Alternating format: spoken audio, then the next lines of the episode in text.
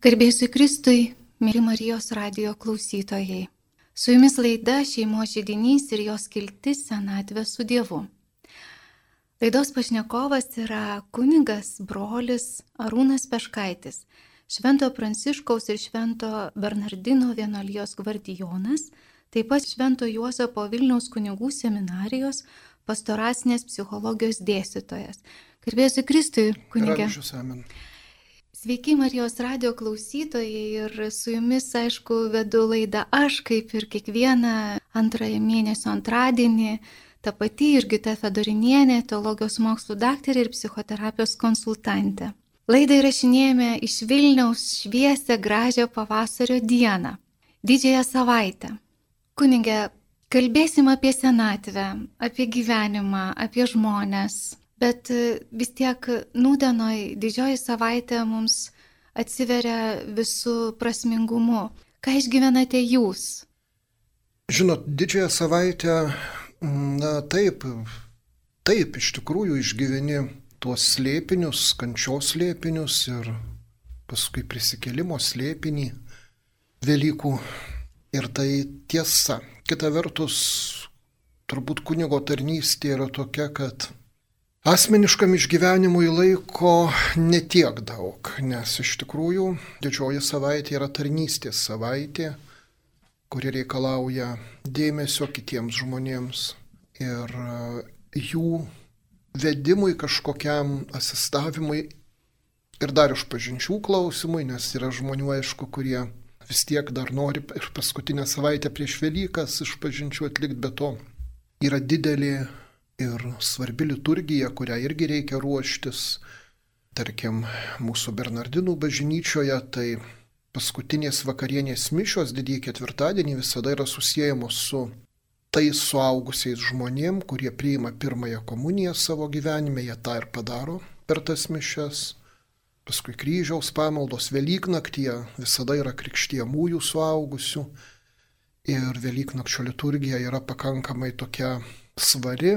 Taigi vien liturgijos ruošimas užima tam tikrą laiką ir pamokslų ruošimas ir aišku sekmadienis Velykų, kuris yra mūsų didysis džiaugsmas.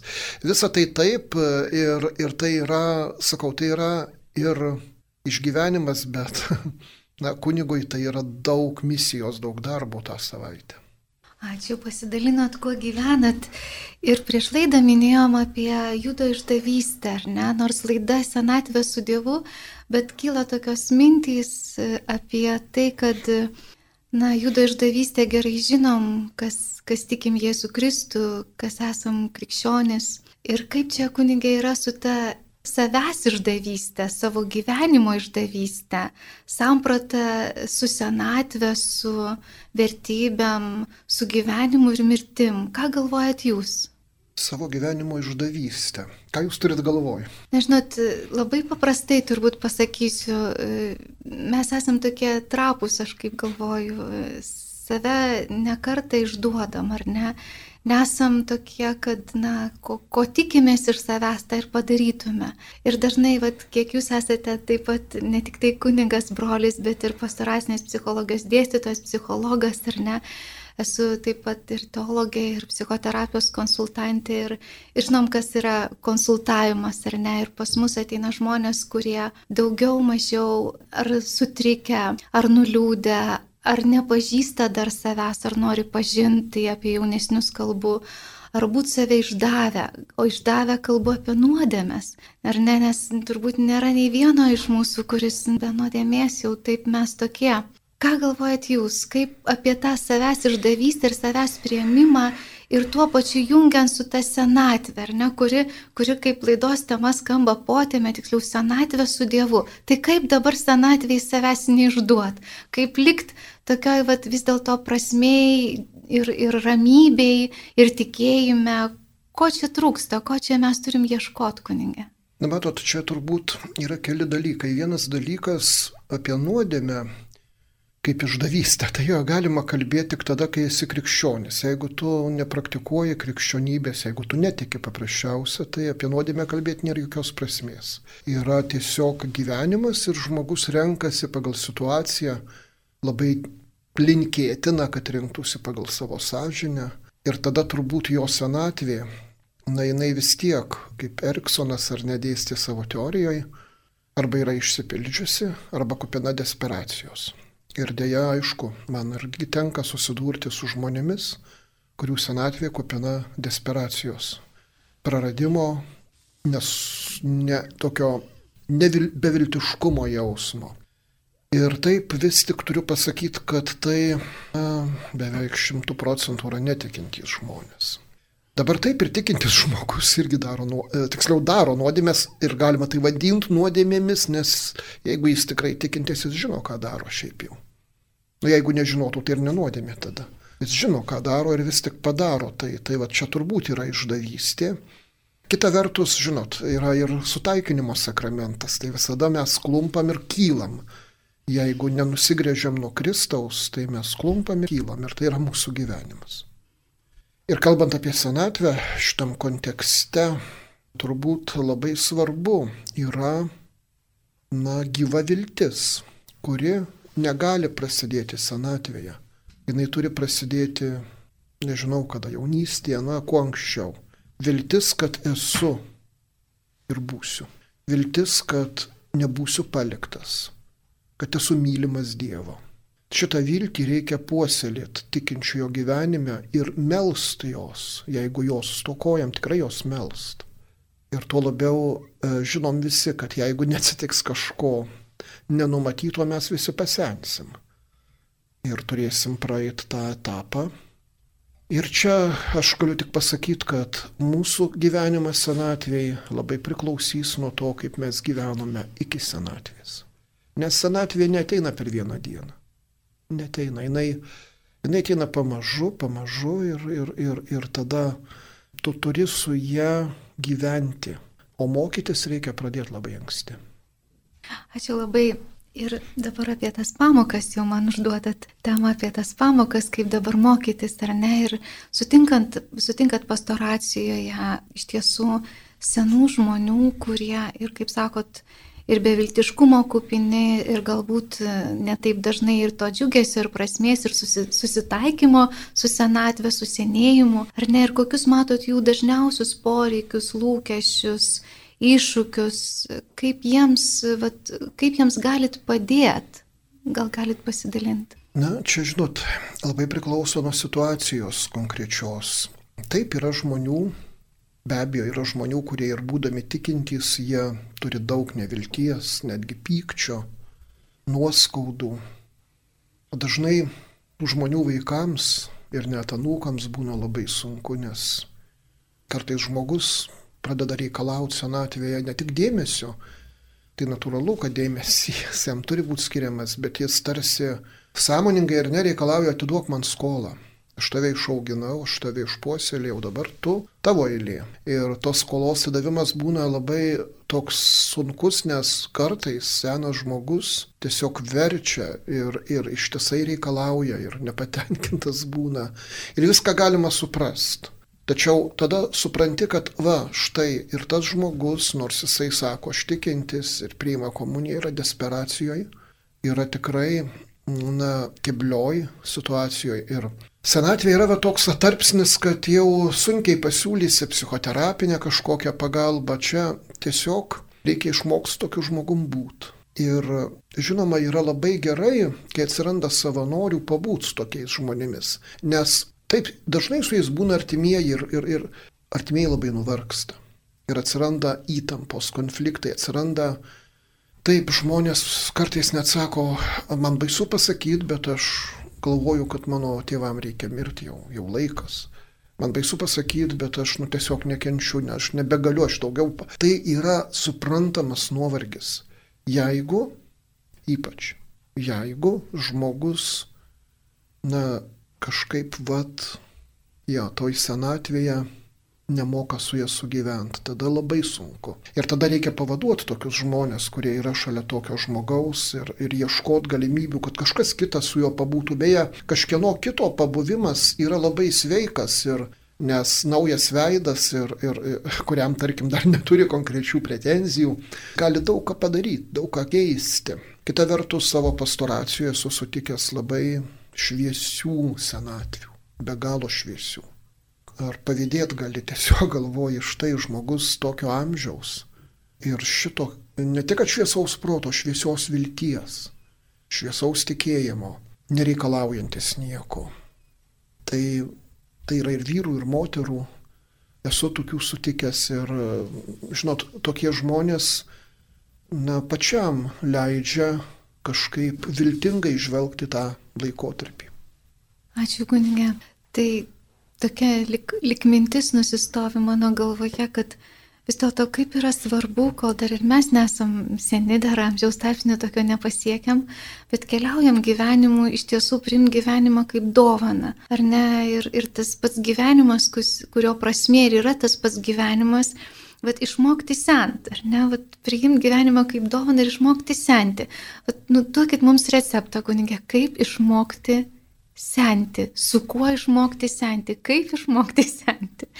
Receptų niekada nedalinu, tai ir jum neduosiu. Gerai. Nes čia jau ne mano specialybė receptų rašymas. Iš tikrųjų, išmokti senti yra didelis menas ir tikrai, sakau, kūrybiškumas žmogaus. Kiekvienu atveju tai yra labai asmeniška. Kita vertus, aišku, yra bendrų principų. Aišku. Jūs jau paminėjot priimti kiekvieną dieną kaip dovaną. Ir man atrodo vienas svarbiausių, kur jau ir lyg ir sakiau, truputį užsiminiau, prašyti vilties malonės. Prašyti vilties malonės. Būtent ne kaip kažkokios, tiesiog ne kaip įsitikinimo, net ne kaip darybės, taip tai yra teologinė darybė, bet prašyti tos pačios malonės, kurie Na, jeigu mes tikim, mes vis tiek išgyvenam tą patirtį, kad nesame palikti vieni. Ir jeigu mes prisiminsim savo gyvenimo ir trauminės patirtis ir sunkius periodus, atpažinsim, kad buvom ne vieni.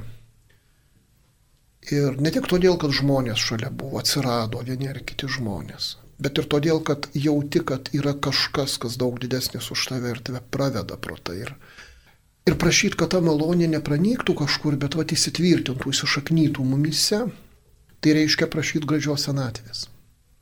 Nes būtent ta malonė ir gali mus pravesti. Ir iki paskos, iki perėjimo į amžinybę. Tai čia nėra receptas, bet yra siūlymas kiekvienam savo gyvenimuose tai atrasti. Nes kiekvieno gyvenimo unikali patirtis ir mes unikaliai patiriam tą viltį. Ta reikia atrasti, už tai dėkoti ir prašyti, kad jinai visišknytų. Kita vertus yra, tikrai yra puikių knygų dabar Ir tai yra geras laikas, kad tų knygų tiek daug ir apie senatvę yra gerų knygų. Ir iš tikrųjų aš turbūt um, Anzelmo Griūno pirmiausia prisimenu knygą. Taip. Jis jau perleista ne kartą ir net pavadinimai buvo skirtingi, bet vienas buvo Labas senatvė, man atrodo, vienas pavadinimas. Taip, taip, tai, Labas senatvė vienas. Tai yra tikrai nuostabi knyga arba kita knyga kito autoriaus, kurio pavardę užmiršau, Kristi aukštyn. Tai irgi, ta prasme, yra tų dalykų, kurie mums gali būti ramščiais, padėti. Taip kad tą visada reikia žinot, kad mums yra teikiama pagalba. Ir tikėti tą pagalbą ir tai padės. Dėkoju. O dabar taip pat asmeniškai noriu paklausti apie jūsų mintis, apie savo paties senatvę. Atleiskit už nemandagų klausimą, bet tokį gyvenimišką, natūralų. Vis tiek, jeigu mokomės gyventi, mokomės išgyventi ir, ir gyvenam iš tiesų savo tarpsnius, brandą, žiūrėk, jau pradeda kūnas senėti ir senėjimą ir tada arba pyksti, arba susitaikai, keliauji, pažįsti, kaip tavo, kaip tavo kūnas sensta, ar ne, dvasia, dvasia jinai neturi, neturi laiko. Ne, tai kokios jums, jums mintys kyla apie savo senatvę, senėjimą, santykių su, su tuo? Ką jūs apie tai ar pagalvojate, ar aš čia tik tai taip jauriai paklausiu? Žinoma, kad pagalvoju. Žinoma, ir kaip jūs sakėte, dvasia nesensta, tai aš tą išgyvenu, man kažkaip visada atrodo, ir iki šiandien atrodo, kad man nėra tiek metų, kiek yra, man visą laiką atrodo, kad aš jaunesnis. Toks mano kažkokia, kažkoks jutimas yra, kita vertus aš puikiai, puikiai žinau, kiek man metų, puikiai žinau, žinau, turiu pasą ir galiu pasižiūrėti. Ir nesvarbu ten, kaip kas kalba, kaip aš atrodau, ar kaip aš savo atrodau, bet, nu, taip aš žinau. Ir tai, kad senatvė ateis, na taip sakau, jeigu neatsitiks kažko kito, tai senatvė ateis. Jis tiesiog ateis. Kada jinai ateis, aš nežinau. Nes vis tik ir iš mano tų vat, pastoracinių praktikų ir iš, iš tiesiog iš gyvenimo dabar pažinimo galiu sakyti, kad na, senatvė taip surišta su biologiniu amžiumi, bet ne visai tiesiogiai. Aš tikrai mačiau senų žmonių, kuriems 30 arba 40 ir mačiau jaunų žmonių, kuriems 80. Ir jie būtent jauni savo vidumi, savo dvasia ir net savo kūnų tam tikrą prasme, nes tas kūnas tarsi nenudėvėtas, jisai dvasia turbūt tau kūną kažkaip pugdo ar gaivina. Tai aš darau tai, ką siūliau visiems daryti. Aš prisimenu, labai dažnai dabar prisimenu savo gyvenimo tarpsnius, kada Dievas mane išvedė iš tikrai labai sunkių situacijų, nu, nuo vaikystės pradedant. Labai sunkiose lygose, beje, aš jų turiu visą puokštę ir, ir Dievas manęs niekada nepaliko. Ir aš kažkaip turiu tokį, dabar va tokią praktiką, kurią pradėjau praktikuoti ir nenustoju. Aš kiekvieną vakarą dėkoju Dievui už tą dieną, bet ne abstrakčiai. Dėkoju už tos dienos labai konkrečius dalykus, kartais už sunkius dalykus, kurie mane moko, Ir taip dėkodamas aš tikrai pastebiu, kad nėra nei vienos Dievo dienos, kur aš neraščiau už ką padėkoti. Nėra nei vienos dienos, kur Dievas nebūtų su manim realiai. Tai tai vaduoda vilties. Ir ta viltis, aš taip tikiu, kažkaip mane ves ir senatvėje. Tai toks mano tikėjimas. Ačiū labai, priminėt gražiausią, vieną iš gražiausių žmogaus dovanų, tai, tai dėkojimą. Ir na, bet, dabar ir aš galiu gal leisit man pasidalinti truputėlį išgyvenant brandą, ar ne, išgyvenant tuos link kaip moters, kaip trijų vaikų mamos ir kaip, kaip žmonos ir kaip, na, apskritai žmogaus brandą, kur ir iš tiesų pamačiau ne visai taip jau ir, ir, ir senokai, iš tiesų ta prasme dėkojant. Mes irgi susirenkam tiek, kiek esam šeimos dabar, jau kažkas užaugę, kažkas išėję. Ir iš tiesų pradėjom dėkoti, dėkoti už tuos elementarius dalykus, kur atsitiko šiandien. Ir dažnai pacientams savo linkiu, vat, dėkoti, dėkoti, dėkoti, bet vat, kaip jūs sakėt, ne abstrakčiai, bet konkrečiai tą dieną, kaip vienas kunigas gana labai senai yra sakęs, kad pamatyti, pamatyti kiekvienoje dienoje šventosios dvasios veikimą.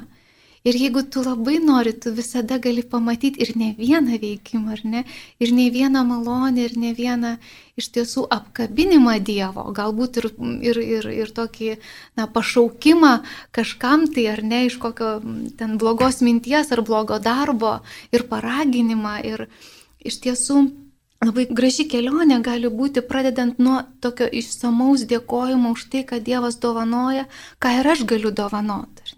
Ir ko gero, kunigė, gyvenimas jums dovanojo mokytojų, aš tiesiog taip vadinu mokytojų, išminčių, tų žmonių, senų, jaunų, kai vas sakot, sutikot ir senus, ir protingus, ir išmintingus, ir jaunus, jau pasenusius, kažkodėl tai ar ne, ir, ir savo, savo esmėje. Ką dovanojo, iš ko mokėtės kunigė, kokius žmonės Dievas jums dovanojo? Dėkui Dievui, kad aš ir dabar dar mokausi Tai man labai brangu. Iš tikrųjų, aš kai vad galvoju apie jūsų klausimą, aš turiu jaunų draugų, kurie man tiktų į vaikus, bet jie mano draugai. Ir jie mane moko. Moko, jie ne dėl to, kad jie ne pagal amžių seni. Ne, jie nėra. Bet jie yra išmintingi. Jauną išmintingą žmogų sutikti yra prabanga. Ir tokia palaima ir supranti, vat, kokia tai dovana. Iš tikrųjų, aš vat, galiu paminėti, galiu, aišku, ne vieną žmogų paminėti, bet aš paminėsiu dabar iš tikro režisierių, kuris vis tik žinomas visoje Lietuvoje, manau, jau nu, daug mažkas teatru domisi. Tai man tą Jančiauską, kuris iš tikrųjų mes esam artimi bičiuliai. Žmogus, kuriam nėra 30 metų, bet jis pastatė spektaklius kupinus tokios išminties ir tokio jautrumo, kad e, tikrai galvoji, šitas žmogus dar, dar tik tai, na, iš esmės kelio pradžioje. Ir tai yra jau šiandien dovana, aš sakyčiau taip, dovana Lietuvai ir dovana man, ir ypač kai bendraujam, Tai yra nepaprasta tai, kad jis man daug duoda, atveria ir vieną kartą aš net jo klausiau, sakau, klausyk tu, nejauti, kad tarp mūsų šioks toks skirtumas amžiaus yra tavo nenuobodu su manim? Ne, sako, aš visai nejaučiu skirtumo jokio. Jis taip paprastai pasakė, kad nejaučia ir galbūt tikrai nejaučia, aš tikiu. Tai va, tai taip aš galiu paminėti ir aiškus, aš turiu dvasios vaikų, kurie man irgi labai daug dovanoja ir, ir, ir jie irgi mano bičiuliai, truputį kitą prasme. Ir, nežinau, aš, aš tikrai, vat, toks yra duetas kamanių šilelis, kurių ir santoką laiminau kažkada prieš jau prieš daug metų, jie labai, labai nuostabų žmonės. Tikrai turiu jaunų, brandžių, artimų savo, savo širdžiai žmonių, kurie, va, paminėjau tuos, kurie žinomi ir Lietuvą. Ir ne, o jeigu kalbėt apie savo tuos gyvenimo mokytojus, tai pirmiausia man ateina į galvą trys moterys. Trys moterys, iš kurių aš daug mokiausi, kurios sulaukė labai garbaus amžiaus. Viena 95 metų, kita 91, dar kita 93. Ir iškeliavo tokio amžiaus ir aš tikrai turėjau nepaprastą malonę būti su jomis, būti su jomis ir mokytis iš jų. Tai viena iš jų buvo mano močiutė Zofija Tamulaitinė, kuri mirė jau senokai, 1995. O gimus buvo pačioje amžiaus pradžioje, 1901 metų pačioje pradžioje. Įsivaizduokit, kiek jinai pragyveno valdžių pasikeitimų ir viso kito, jos gyvenimas buvo kupinas įvykių, kupinas visokiausio nerimo, kovos. Jis visą gyvenimą gyveno Kaune, aišku, išvažinėjau visur, bet Kaune jos, pavyzdžiui, vyras, mano senelis, buvo asmeninis prezidento smetonos vairuotojas ir apsauginis. VSD karininkas, tas žmogus, kuris vežė smetoną prie upelio garsaus, kai smetona pastraukė iš Lietuvos.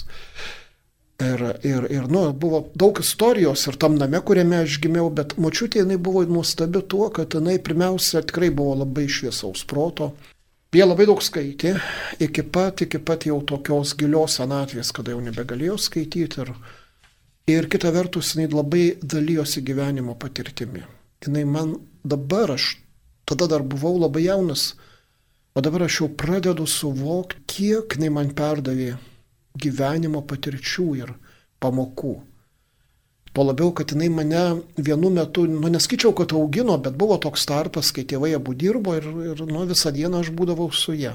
Tai dar visiškas vaikas, bet jinai, bet jau nuo tada aš atsimenu ją labai šviesiai ir, ir, ir, ir tokią visą kovotoją, tokią su viltimi.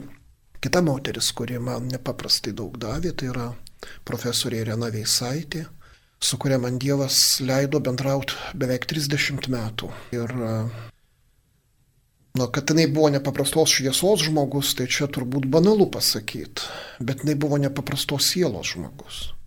Jinai pamildavo žmonės, jinai mane išmokė pamilti. Pamilti kiekvieną, kuris ateina pas tave, kuris susitinka tave. Ir, ir jinai taip pamildavo, kad jinai tą žmogų atrodo, atrodo jau pažįsta nežinia kiek metų, jisai brangus brangus kaip pats artimiausias žmogus. Ir, ir, ir jinai turėjo nepaprastą dovaną tiltų, tiltų tiesimo tarp žmonių. Jinai mane to išmokė ir šiandien, ar ne, šiandien aš nežinau, nereikia vartoto žodžio, kadangi įrašas vyksta, bet vis tik tai, na, karas, kuris mus sukrėtė, sukrečia Ukrainoje, vis tik tai, vad būtent Irena mane turbūt labiausiai išmokė niekada nesmerk visos tautos už kažkokių nusikaltelių nusikaltimus. Jis nukentėjusi nuo lietuvių. Jis niekada nesmerkė lietuvių tautos, niekada neatsiribojo nuo lietuvių kultūros, nuo lietuvių kalbos. Dar kas yra vat, nu, labai, labai sukrečiančio jos gyvenime, juk beveik visi jos giminaičiai, motina pavyzdžiui, na, tėvas pasitraukė, tai suspėjo pabėgti, bet daugelis jos giminaičių sušaudyti, sunaikinti holokausto metu. Ir toks, nu turbūt, natūralus būtų priešiškumas vokiečių kultūrai, vokiečių tautai. Niekada netapo germanistė. Jis sakė, mane iššūkdė dvi kultūros. Didžios kultūros - vokiečių ir rusų kultūra. Rusų kultūra irgi labai gerbė, nors antroji mama, ta, kuri ją išaugino, kai ją išgelbėjo iš geto, tai yra Ladigienė, jinai buvo sovietų lagerius išvežta. Jinai nukentėjo nuo abiejų režimų pačiu žiauriausiu būdu. Ir vis tik tai tų režimų niekada netapatino su tautomis ir su kultūromis ir išliko nepaprastai atvira. Ir trečia moteris yra žinoma dainininkė, neseniai mirusi Nelipaltininė, kuri iš tikrųjų irgi mes su ja bendravom paskutinius 20 jos gyvenimo metų. Jis mane išmokė nepasiduoti. Nepasiduoti ir jinai juk dainavo scenoje iki 86 metų. Jis niekada nenustojo vilties, kad gali nešti džiaugsmą. Ir tai man joje buvo įstabiausia.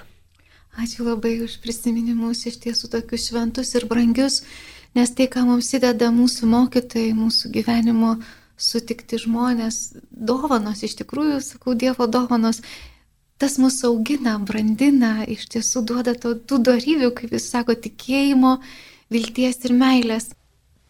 Jūs girdit, brangieji Marijos radio klausytojai, laida šeimo žydinys, jos kilti senatvę su Dievu. Kunigė minėjote apie pamilti kiekvieną.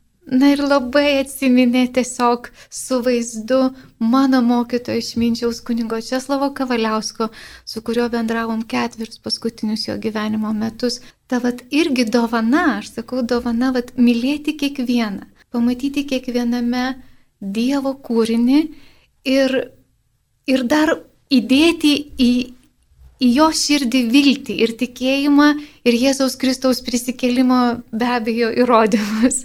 Tai ačiū labai už, už atsiminimus ir labai norisi dar klausti, kaip kunigo, kaip psichologo, kaip žmogaus, kaip brolio, patarnaujant kitiems, vat, nes ir seniems, ir jauniems. Kartu su jumis be abejo yra šventas raštas, Dievo žodis ką labiausiai mylite iš Dievo žodžio, kas jums labiausiai kalba ir be abejo apie tą pačią senatvę, apie tą patį prasmingą orų gyvenimą. Prieš atsakydamas jūsų klausimą vis tik paminėsiu dar vieną moterį, kuri padarė man kertinę įtaką, tai mano mokytoja, tikrai mokytoja, vidurinėje mokykloje mokytoja Birutė Kavaliūnaitė, jinai dėstė biologiją. Jis buvo įstabi mokytoja, niekarto nepakėlusi balso klasėje ir absoliuti tyla klasėje, kuri buvo pagarba jai, nes jinai gerbė mus, jinai kiekvieną iš mūsų vadino jūs dešimtokus. Jinai niekada nekviesdavo prie lentos, darė tokius stebuklingus dalykus ir atiduodavo žmogui viską, ką gali. Aš supratau iš jos, kas yra mylėti. Ir kada tokie gandai buvo pasklidę, kad jinai mirė vieniša, labai apleista, tiesiog aš taip girdėjau. Pasirodo, ne, ir čia mano pastoracija, va čia yra stebuklinga, ką aš surišiu su šventu raštu. Vieną kartą atėjo pas mane iš pažinties, labai senyva moteris jau, jai buvo virš 90, labai šviesi, moteris, jinai norėjo būtent pas mane iš pažinties ir, me, ir po iš pažinties pasikalbėjom Ir aš sakau, atleiskit, o kada jūs baigėt universitetą? Na, jinai pasakė metus, ko, o jūs gal pažįstat Birutę Kovaliūnaitę, amžinatilsi. Sako, taip, tai buvo mano geriausia draugė. Ir sakau, kaip jinai mirė? Jinai mirė, sako, ant mano rankų. Aš būdėjau prie jos lovos. Ir taip atsitiktinai atrodo, bet aš žinau, kad neatsitiktinai aš sužinojau apie savo mylimiausios mokytojos tikrai gražų išėjimą. Ir kad jinai nebuvo vieniša. Tai va, ir tai pranašystė, Ir šventam rašte man ypatingai senatvę, gražią senatvę liūdė du paveikslai. Tai yra pranašė Sonos ir Simeono. Tai yra tie žmonės, kurie pasitinka Jėzų. Kurie pasitinka Jėzų šventykloje ir kurie pranašauja viltį. Ir skausmą pranašauja, bet svarbiausia viltį. Ačiū labai. Na, o dabar nuo senatvės iki vis dėlto, tos, sakykime, ir pradžios, ir pabaigos apie mirtį. Kadangi esat pranciškonas. Ir aišku, prieš akis mano šventas pranciškus, jo ori, tauri, be galo mylinti mirtis susitikimui su Jėzumi. Ką jūs galit mums pasakyti, mums, jauniems, vyresniems, seniems, kurie dabar girdi šią laidą apie gyvenimo mirtį, apie žmogaus mirtį? Žinot, su mirtim mums visiems, kiekvienam ir kiekvienai teks susitikti. Tai ten ir bus tada atsakymas, kaip mes esam pasiruošę. Aš žinau, kad yra vis tik laimingos mirties atlaidai. Labai nedaug, ar tik ne vienoj bažnyčioje Lietuvos, net nežinau labai nedaug tokių dalykų, bet, bet kas yra laiminga mirtis? Taip, tai aš manau yra susitaikymas, yra dovanojimas, yra galutinis, arba, arba žmogus iki galo užsidaro ir nori nors kiek prates dar savo egzistenciją, įsitveria jos tos pamėklės kažkokios, nors jau akivaizdu, kad arba jisai sutinka su tuo ir dovanoja, ir dovanoja save Dievui, Ir aš linkėčiau savo ir, ir kitiems to dovanojimo, tą akimirką, kuri neišvengiamai, sakau, ateis. Va. Tas dalykas tikrai ateis, ar ne?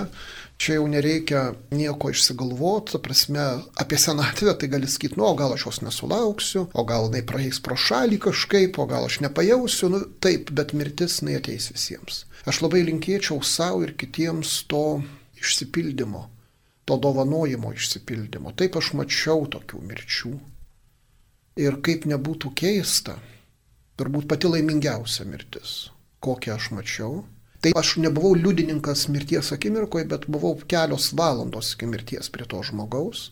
Tai buvo Lukiškių kalėjime. Tai buvo žmogus labai nusikaltęs, kalintis iki gyvos galvos. Kalėjime jis įtikėjo. Susirgo vėžiu.